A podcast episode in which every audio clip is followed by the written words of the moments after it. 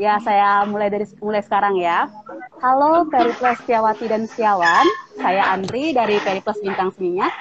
Terima kasih sudah menyempatkan diri ngeklik lingkaran Instagram live kami bersama Periplus ID. Kami berharap tangan kamu yang saat ini sedang memegang smartphone, yang pastinya setiap hari itu semakin berat, semoga tidak kesemutan ya, supaya kamu itu bakal sehat dan kuat untuk tetap mengikuti acara Instagram live kami. Oke, jika kamu kamu jika kalian semua yang sedang berada di luar rumah, tetap jaga protokol kesehatan ya. Mudah kok. Selain menjaga apa, memakai masker dan menjaga jarak, kamu juga bisa semprot-semprot cuci tangan kamu agar tidak tidak terkena kuman ya, terhindar dari virus. Oke. Salam sehat dan kuat untuk kalian semua. Dan sekarang saya akan sapa rekan saya, peri, rekan peri, periman saya yang ada di Jakarta, yaitu Bli Simon. Halo Bu Simon. Halo, halo Mbok Andri. Apa kabar? Iya, baik. Silakan. Sapa-sapa ya. dulu. Hmm, perkenalkan saya Simon, saya dari Periplus. Saya editor di blog Peri, Periplus. Terus Oke. Okay. Ini kita juga ada dua kawan gitu ya, kawan baik Uh, yang pertama adalah Amelia Devina. Silakan memperkenalkan diri dulu, Mbak. Monggo. Halo, teman-teman Karipos dan semuanya yang ada di sini. Thank you banget aku sudah diajak ngobrol hari ini. Jadi um, aku adalah seorang praktisi healing dan juga founder dari Love Ground. Dan apa itu Love Ground adalah sebuah komunitas offline dan online di mana kita sharing dan edukasi hal-hal terkait self love, terkait mindfulness, uh, terkait juga kesehatan mental. Jadi itu yang aku dan juga Love sharing dan edukasi kepada teman-teman. Nah dan selain edukasi tentunya kita ada kelas-kelas juga. Jadi ada kelas reguler seperti kelas yoga kelas meditasi dan juga ada personal session. Salah satunya juga personal session sama uh, suaraku bergema kan atau aman? Ini yang bergema suaraku ada komentar suami ini. Dari ya agak agak sedikit gema ya. Ada sedikit gema ya? Oke. Oke. okay. okay. Oke. Okay. Sorry, Tapi ya, masih bisa terdengar? masih bisa terdengar nggak? Uh, bisa sih, bisa. Masih bisa. Bisa ya. Oke, okay, oke. Okay. Oke. Okay. Oke. Okay. Jadi demikian perkenalannya. Hmm, thank you, thank you Amel. Thank you. Terus kita juga di sini di sini ada juga Mas Dodi. Mas Dodi ini juga dari Periplus. Dia adalah uh, bisa dikatakan produk spesialis gitu ya. Dia yang bertugas untuk mengkurasi buku-buku apa yang akan masuk ke Periplus. Silakan Mas Dudi memperkenalkan diri. Ya, selamat sore ya untuk teman-teman dari Periplus dan juga teman-teman yang nonton. Uh, saya Dodi, ya, saya dari produk. Ya, uh, juga mengkurasi buku di dari platform kita punya. Nah, salah satunya juga ini satu hal yang menarik. Ini kita punya banyak koleksi. Nah, mungkin itu dulu Mas Simon, nanti uh, lanjut. Oke, okay, thank you perkenalannya. Uh, sore ini kita akan membahas hal yang mm-hmm. sebenarnya agak luar biasa gitu ya. Karena okay, barang yang akan kita speaker. ya boleh kan spill kan ya sudah waktunya. Spill, kita akan membahas uh, sebenarnya produk yang uh, bukan buku tapi punya ISBN gitu. Karena ya apa sama-sama dari kertas tapi bukan buku dan produk itu adalah kartu tarot itu kenapa kartu tarot ini saya akan mengawali soalnya dengar-dengar uh, di Bali itu penjualan kartu tarot bagus gitu ya Bu Andri ya, ya. itu ceritanya ya, gimana? boleh boleh cerita dikit nggak? Uh, itu bermula dari pandemi. Tahun ini dah, uh -uh, tahun ini tiba-tiba uh, kan ada produk tarot banyak yang nanyain tuh. Nah, udah banyak yang nanyain, akhirnya keseringan, keseringan, keseringan, eh lari sekali di Bali. Bahkan waktu ini juga ada borongan banyak. Kita juga punya customer loyal di sini untuk tarot. Ya. Itu di belakang kayaknya kar kartu tarot semua ya? Bisa di iya, bisa dilihatin nggak biar biar kita semua bisa lihat. iya, ini koleksinya kita yang ada di Bintang Seminyak. Nah, ini nih yang deretan sini yang best seller semua. Oke, bahkan ini yang paling best seller nih, nih satu ini. Iya. Ya, Tarot of the Divine. Udah gitu, kita juga punya tarot yang lagi sale untuk hari ini. Mulai yang ini. Kita punya My, Mythic Oracle, diskon 20%. Oke. Okay. Cantik-cantik ya semua ya. Tajam Mbak Amel, Mbak Amel udah punya yang mana ya? Iya, Kak Amel punya yang mana, Kak? dari ini semua, dari yang ada di ya. Mm -hmm yang pertama tuh ya sebentar yang oh ya yang di mana kak? Yang good karma yang good karma. Oh yang good karma. Yang ini ya? Yes aku punya yang itu. Iya. Cantik sekali. Ini, ini aku suka pakai ini juga karena dia cute ya.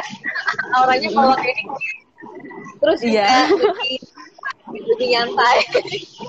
Karena ada beberapa gambar yang kayaknya lebih intens kalau yang tentang kecil iya. santai lah. Kayaknya di bawah-bawah aku juga ada sih cuman yang paling kelihatan sekarang itu di bawah-bawah masih ada lagi. Oke. Okay. nah aku punya pertanyaan nih Amel buat kamu Yes. Uh, kamu kan sebagai holistic healing practitioner gitu ya. Itu per pertanyaan pertama, mengapa menggunakan tarot? Kaitannya apa dengan healing gitu loh? iya iya iya. Langsung. Langsung ya. Langsung aja. yes yes. Jadi sebenarnya sebelum aku menjadi yang aku sebut healing practitioner teman-teman.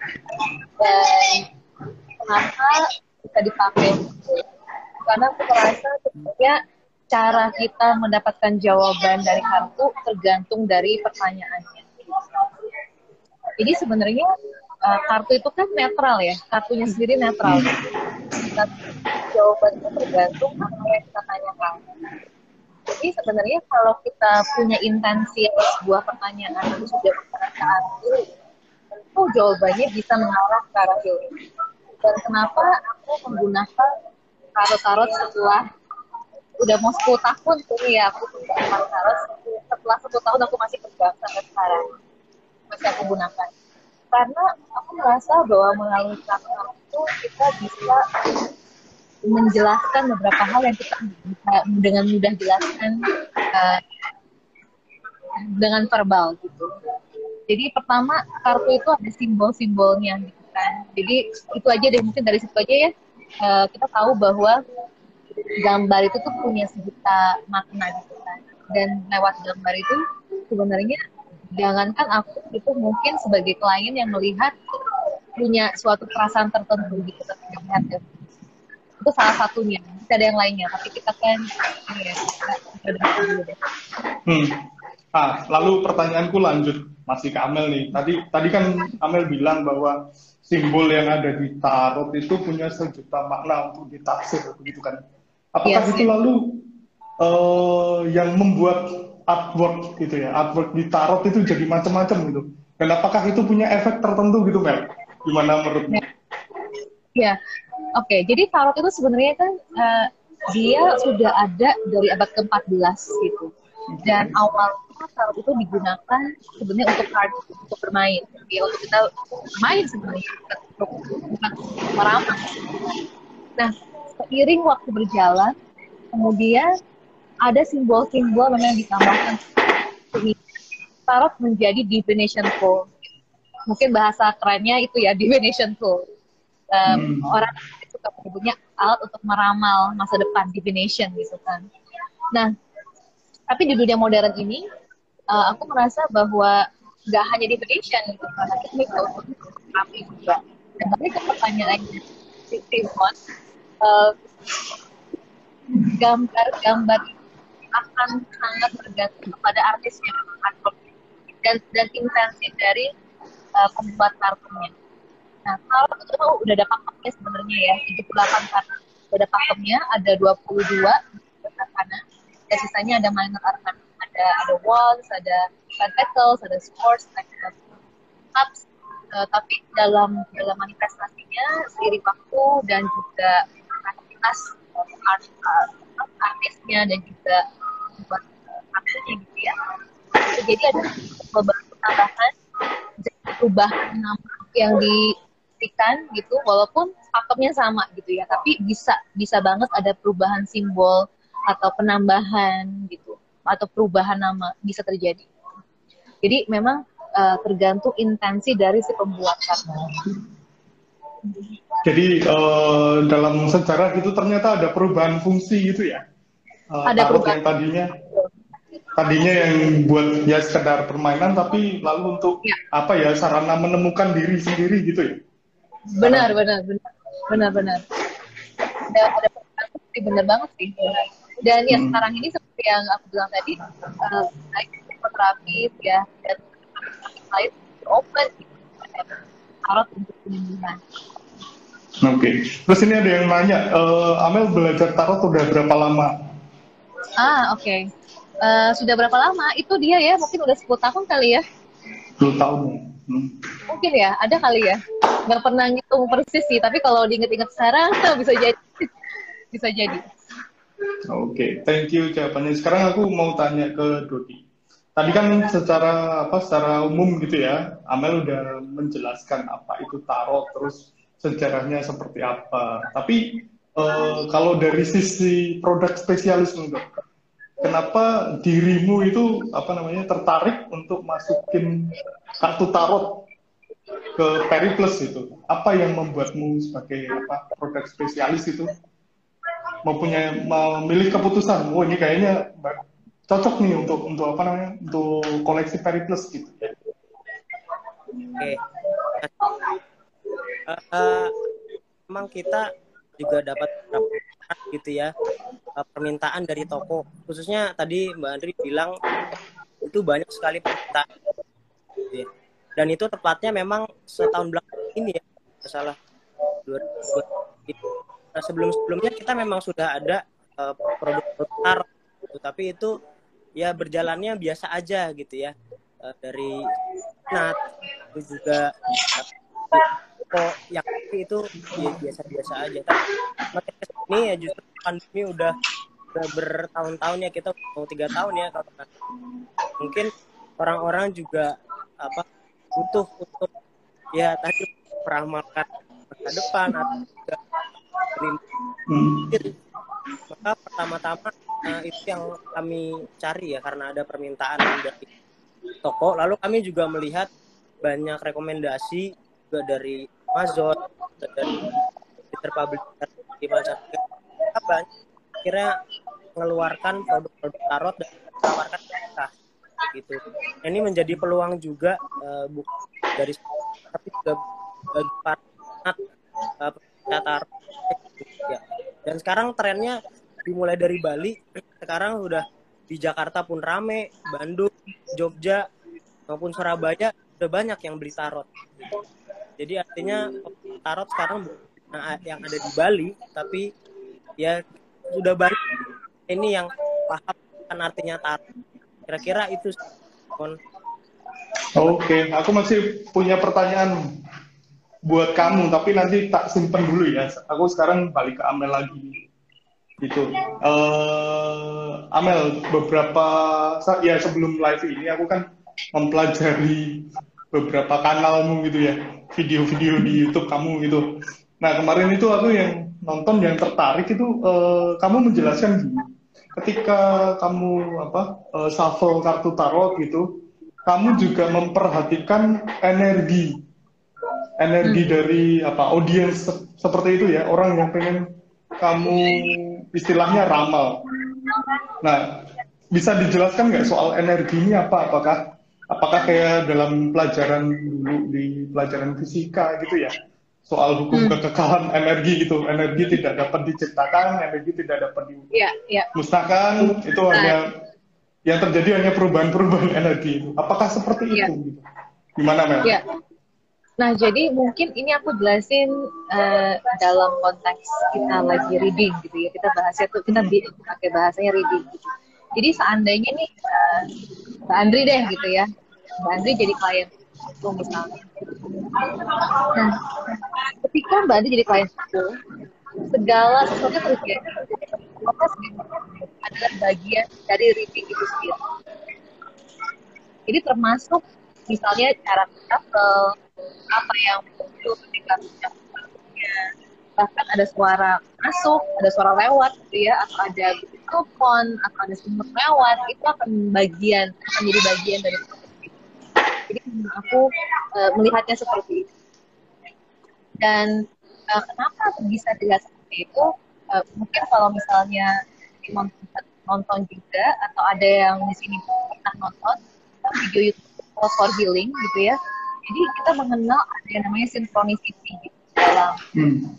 reading ya bahwa eh, apa yang apa yang gini synchronicity itu mungkin kalau bahasa eh, bahasa sehari-hari itu bisa bilang eh, beautiful atau fortunate coincidence gitu ya kebetulan yang indah gitu. kebetulan yang bermakna sehingga apa pun yang kita lihat gitu ya apa pun yang kita lihat di sekeliling kita di saat kita lagi reading itu bisa menjadi jawaban gitu. adalah synchronicity untuk mendukung orang ini gitu sebenarnya.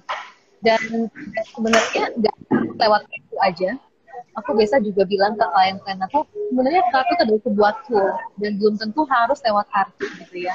Tapi karena kartu itu eh, klien lihat aku bisa lihat. Jadi ada ada image yang bisa dilihat gitu yang bisa jadi korelasi antara aku sama kliennya.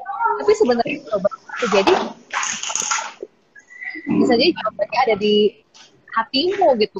Atau mungkin ada di hari-hari kita samping kita atau tanda yang kita lihat sepanjang hidup kita. Cuma sering kali karena kita nggak bisa lihat atau kita nggak nggak nggak kita antara kita ngeyel gitu ya mungkin kita nggak galau kepala kita mulai baca jadi kalau dalam energi rasa peran aku sebagai tarot itu adalah untuk pick up gitu energi-energi apa yang saat ini. Dan memang menariknya bukan cuma sekadar belajar simbol pada akhirnya tapi adalah menggunakan intuisi mungkin Hmm. ya tegaskan oleh logika gitu ya.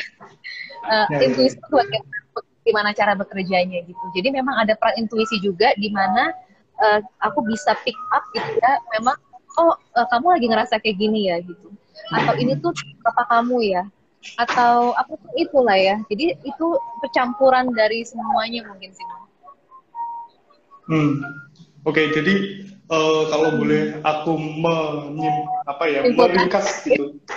ya Yang nggak menyimpulkan sih, meringkas saja supaya mungkin apa yang aku cerna itu barangkali ada yang sama gitu ya Hmm. dari teman-teman itu tarot juga mengajak kita untuk lebih peka gitu ya dengan apa Yes. eh, diri kita sendiri dan lingkungan sekitar kita gitu ya. betul banget jadi aku Nah. merasa Hmm. adalah alat untuk melatih intuisi kita juga sebenarnya Oke. Terus eh, ini ada tadi ada yang tanya, kalau kita beli kartu tarot, apakah kita harus mempelajari dulu simbol-simbol dan maknanya gitu? ya Gitu. Jadi kalau misalnya newbie jadi belum pernah belajar sama Mm-mm. sekali tentu kita perlu pelajari nih setiap simbolnya misalnya kartu ini arti ada simbol apa aja artinya Hmm. apa beda deck aku tadi sempat lihat ya pertanyaan adalah beda kalau beda deck perlu belajar lagi atau enggak gitu kan. Hmm, Nah, ya, ya. biasanya kalau kita sudah paham yang fondasinya, kita mungkin cuma perlu belajar dikit-dikit begitu ya. Mungkin simbol-simbol dari deck yang baru. Simbol-simbol apa nih dari deck yang baru. Tapi semakin kita terbiasa membaca kartu, biasanya kita bisa pick up yang bukan cuma ada di kartu gitu. Karena the ma- majority dari apa yang diucapkan di kartu itu bukan ada di kartu sebenarnya gitu. Tapi Oh. hanya guide gitu kan sebenarnya it's about it's not about the cards only sebenarnya itu hanya tool gitu hanya media gitu kan untuk uh, pembaca kartunya punya kartu ini sebagai jembatan gitu untuk menyampaikan apa perlu disampaikan ke klien. Oh gitu. Nah, uh, aku mau nyambung satu pertanyaan. Tadi kan uh, kar apa kartu itu hanya menampakkan sesuatu gitu ya. Hmm. Nah, itu apakah si pembaca itu punya peran gitu. Misalkan kalau pembacanya pembaca kartunya gitu, Amel sebagai uh, card reader gitu ya. Itu uh, lagi sedih atau lagi senang gitu apakah juga berpengaruh ke hasil bacaannya gitu. Terus iya, iya, setelah iya. itu apakah apakah uh, in, intuisinya dengan begitu semakin terasa gitu ketika hmm. membaca kartu gitu. Iya, ini pertanyaannya menarik tapi bagus banget. Uh, mungkin ada yang pembaca kartu juga di sini di Sarah Senate ya dengan apa yang kamu sampaikan. Ini kalau aku pribadi, berusaha sebaik mungkin untuk bertemu klien ketika aku energi aku merasa siap. Hmm. Jadi aku, aku sendiri perlu melakukan self care, perlu me, me, merawat diri aku lah ya gitu ya, menyediakan waktu aku untuk aku bisa touch gitu kan untuk aku bisa di zona atau energi yang good gitu ya, yang positif, yang netral uh, sebelum aku bacain kartu orang. Jadi hmm. itu sebenarnya peran sebagai pembaca itu kita perlu self care kita sendiri gitu. Nah tapi uh, kalau kita yang lagi energetically kurang kurang uh, kurang sehat gitu ya, bisa kita lagi bad mood, lagi sedih banget, hmm. bisa jadi bisa jadi ada pengaruhnya gitu ke kejernihan pikiran kita. Ya, ya kan makanya penting sih untuk bisa uh, apa ya mungkin boleh dibilang kita bisa masuk ke zona gitu di mana kita uh, ini kan apa ya di mana kita tuh bisa bisa untuk oke okay, ini kita lagi reading jadi kita nggak bawa emosi kita masuk ke dalam reading itu sendiri oh berarti tetap harus berjarak gitu ya pernah nggak sampai nolak klien gitu Uh, kalau klien baca kartu pernah nggak ya? Tapi kalau klien in general pernah. Yeah, yeah, yeah. Klien in general pernah. Karena aku hmm. waktu uh, ada kejadian misalnya uh, ada yang aku misalnya waktu itu aku parah banget karena mantan pacarku meninggal misalnya gitu kan. Hmm. Wah aku langsung cut semua klien dulu kayak aku nggak bisa ketemu siapa pun hmm. gitu kan. Dan jadi memang ada momen-momen di mana uh, aku perlu menjaga diriku supaya aku bisa menjadi medium yang baik, gitu, yang sehat hmm. untuk klien aku. Oke. Nah, uh, masih ada beberapa pertanyaan nih dari audiens. Cuma aku mau ke Dodi dulu.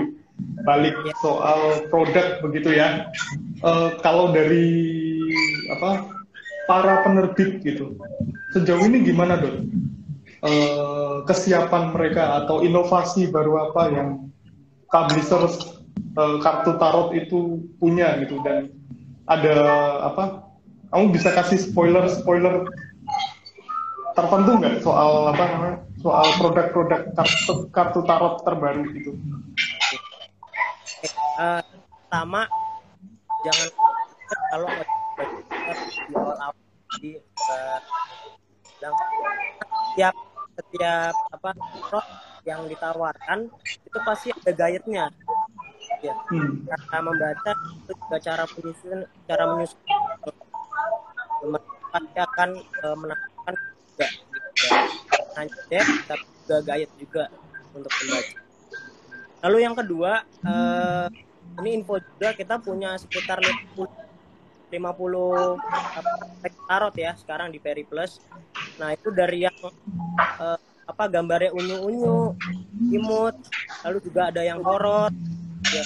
Bahkan juga ada yang Disney ya gambarnya Disney lalu juga dari klasik Jane Austen itu juga ada gitu ya. Jadi publisher juga melihat situasi kecenderungan pasar ke mana nih. Mereka suka apa? Maka mereka keluarkan itu. Ada yang nggak suka horor ya udah kita keluarin hmm. yang model dulu begitu ya. Maka beragam jenis tarot uh, bisa dibuka oleh minatnya. Itu ya sih. Oke, tetapi uh, produk tarot itu lalu macam ragamnya banyak banget ya dok? Banyak. banyak ya. Di Periplus sendiri udah ada 50 ya. Ada ada 50. Hmm. Nah, eh, sekarang balik ke Amel. Ini kan kami ceritanya Periplus ini eh, menyongsong akhir tahun begitu ya dengan memberikan apa program spesial year end sale seperti itu. Tapi eh, kami mema- memaknai year end sale itu tidak sekedar sales gitu, tapi juga ada semangatnya. Semangatnya eh, kami ingin bersyukur tanpa batas gitu. Nah, ini tentu saja terkait dengan apa namanya eh, kejadian selama ya pandemi 2020 sampai 2021 terus kita eh, harus gimana sih gitu meskipun agak berat gitu kita sendiri ya sebagai toko buku mengalami hal-hal berat tapi banyak hal yang justru bisa disyukuri. Salah satunya ya kita coba terobosan dengan bikin IG live kayak gini gitu. Nah em, menurut Amel sebagai apa card reader gitu ya tahun 2022 itu gimana gitu? Apakah ada hal baik yang perlu kita syukuri atau kita songsong gitu? Atau eh, mungkin kalau mau lebih spesifik tanyanya gitu ya tarot itu bisa nggak sih buat memprediksi masa depan gitu Hmm. seperti itu silakan Yes, yes. Yes, thank you. Jadi aku tuh merasa aku punya sebuah peran gitu ya untuk bisa mengedukasi juga gitu bahwa tarot itu kan bukan cuma sekedar ramalan makanya dibuat juga judul hari ini gitu kan tarot itu prediksi atau resolusi dan aku merasa jawabannya adalah bisa dua-duanya. Tergantung kita mau melihat dari sisi yang mana dan kita mau memaknainya seperti apa. Jadi kalau ditanya nah, juga karena 2022 tahun yang hilang kita tahu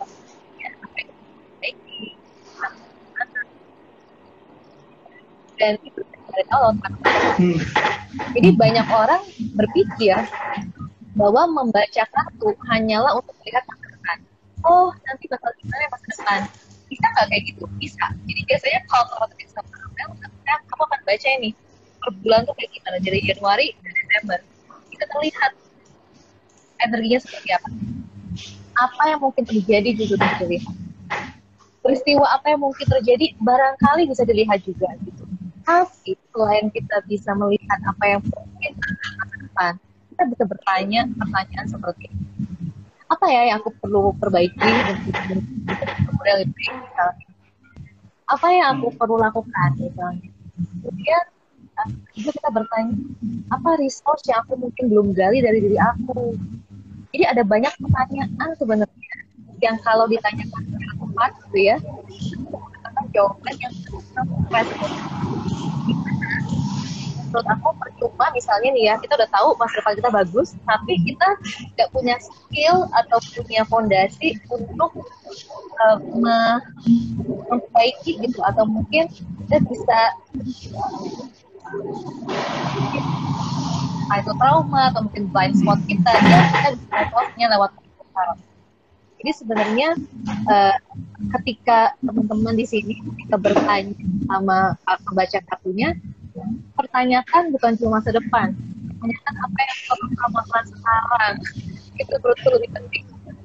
Karena karena apa yang kamu lakukan sekarang depan kamu ya kan? Ketimbang kita hanya melihat masa depan nah makanya eh, jadi mau promosi. Makanya mumpung mumpung lagi market tahun silakan kalau mungkin baca kartu juga sama aku. Ya bisa bisa ke mana? Bisa diinfo bisa diinfo Amel ke mana kalau mau coba-coba Ya. itu? Bukan coba-coba ya. Banyak reading. Bisa ke offground.co tarot jadi ini jadi offground.co slash tarot aku coba tulis dia di sini. Ya. Dan dan uh, buat teman-teman yang lainnya juga uh, mungkin biar aku info juga ya. Jadi aku juga bikin, video. Minimal sebulan dua kali. Jadi itu yang lainnya teman-teman bisa bisa langsung bisa langsung lihat gitu ya aku tiap bulan tiap awal bulan pasti tak Ya. apa reading dan untuk yang 2022 juga udah keluar akan segera keluar juga untuk karet keuangan yang Januari juga sudah syuting jadi nanti bisa dinikmati kalau udah mulai Januari. Oke, mantap, mantap. Oh ya, eh, ini kayaknya kita udah kehabisan waktu ternyata setengah jam. Tidak terasa. banget ya. Benar-benar. banget gitu ya. Eh, Tadi banyak yang aku lihat kalau bela- mau belajar tarot itu gimana prosesnya dan di mana tempatnya ada komunitasnya nggak Amel? Boleh Yes, di poin ke teman-teman di sini? Betul, kalau misalnya pada suka belajar kartu, eh, aku rasa aku nggak gitu kenal. Aku rasa kalau dicari di online bisa bisa ada ya komunitas ataupun eh, orang-orang yang mengajar. Aku sendiri belum mengajar, tapi pas awal mungkin Februari Maret aku akan bisa project juga gitu karena aku rasa ingin terutama itu dia ya sekalian mengedukasi dan meluruskan bahwa uh, tarot itu bukan cuma untuk meramal gitu sebenarnya tapi juga bisa untuk mengetahui begitu banyak aspek-aspek lainnya yang kita kita bisa benahi sebenarnya untuk yang. Oke, thank you banget Amel. Eh, sebelum aku tutup nih, eh, silakan teman-teman kepoin terus ya. Eh, feed Instagramnya Periplus ID, terus juga kepoin blog Periplus karena di situ akan banyak informasi-informasi mungkin penting mungkin tak terduga gitu tentang Periplus all about Periplus semua bisa ditemukan di situ. Terus juga kita udah kenalan dengan produk spesialis di Periplus itu Mas Dodi mungkin ada closing statement dari Mas Dodi Ya, sebenarnya begini. Ya, untuk memulai belajar tarot karena sebagai sarana juga introspeksi diri.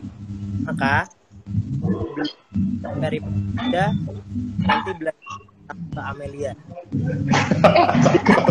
Loh, aku jadi berpikir nih ya eh, karena aku tahun depan mungkin ya bisa kerja sama yang lebih ya karena pasti kartunya kan harus beli kan? Iya. semua orang yang beli aku harus beli kartu. Eh, nanti kita omongin lagi deh. Pasti pasti pasti. Nanti kita kontak-kontakan lagi pasti. Iya.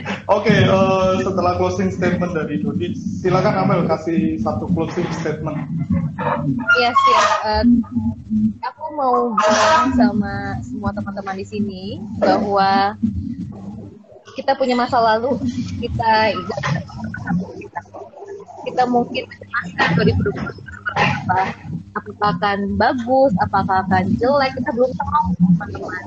Tapi baik-baiknya kita lakukan adalah apa yang kita lakukan. Jadi masa depanmu apa yang kamu lakukan sekarang.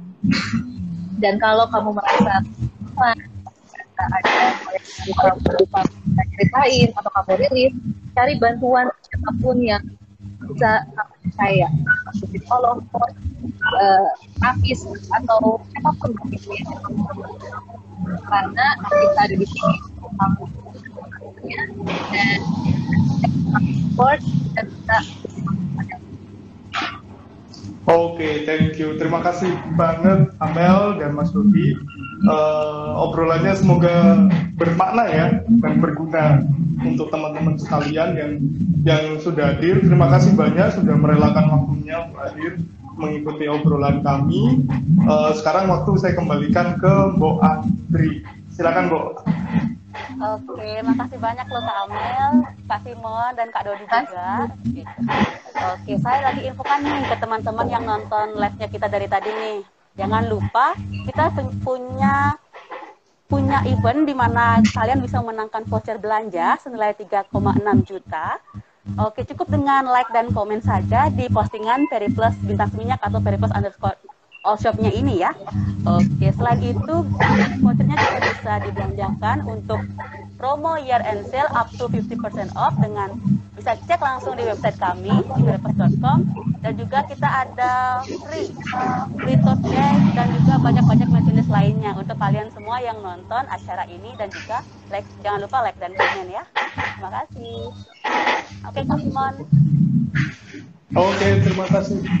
Eh, kita sudahi sampai di sini. Jangan lupa besok ya, besok kita masih punya hari Senin tanggal 27 kita masih ada IG live.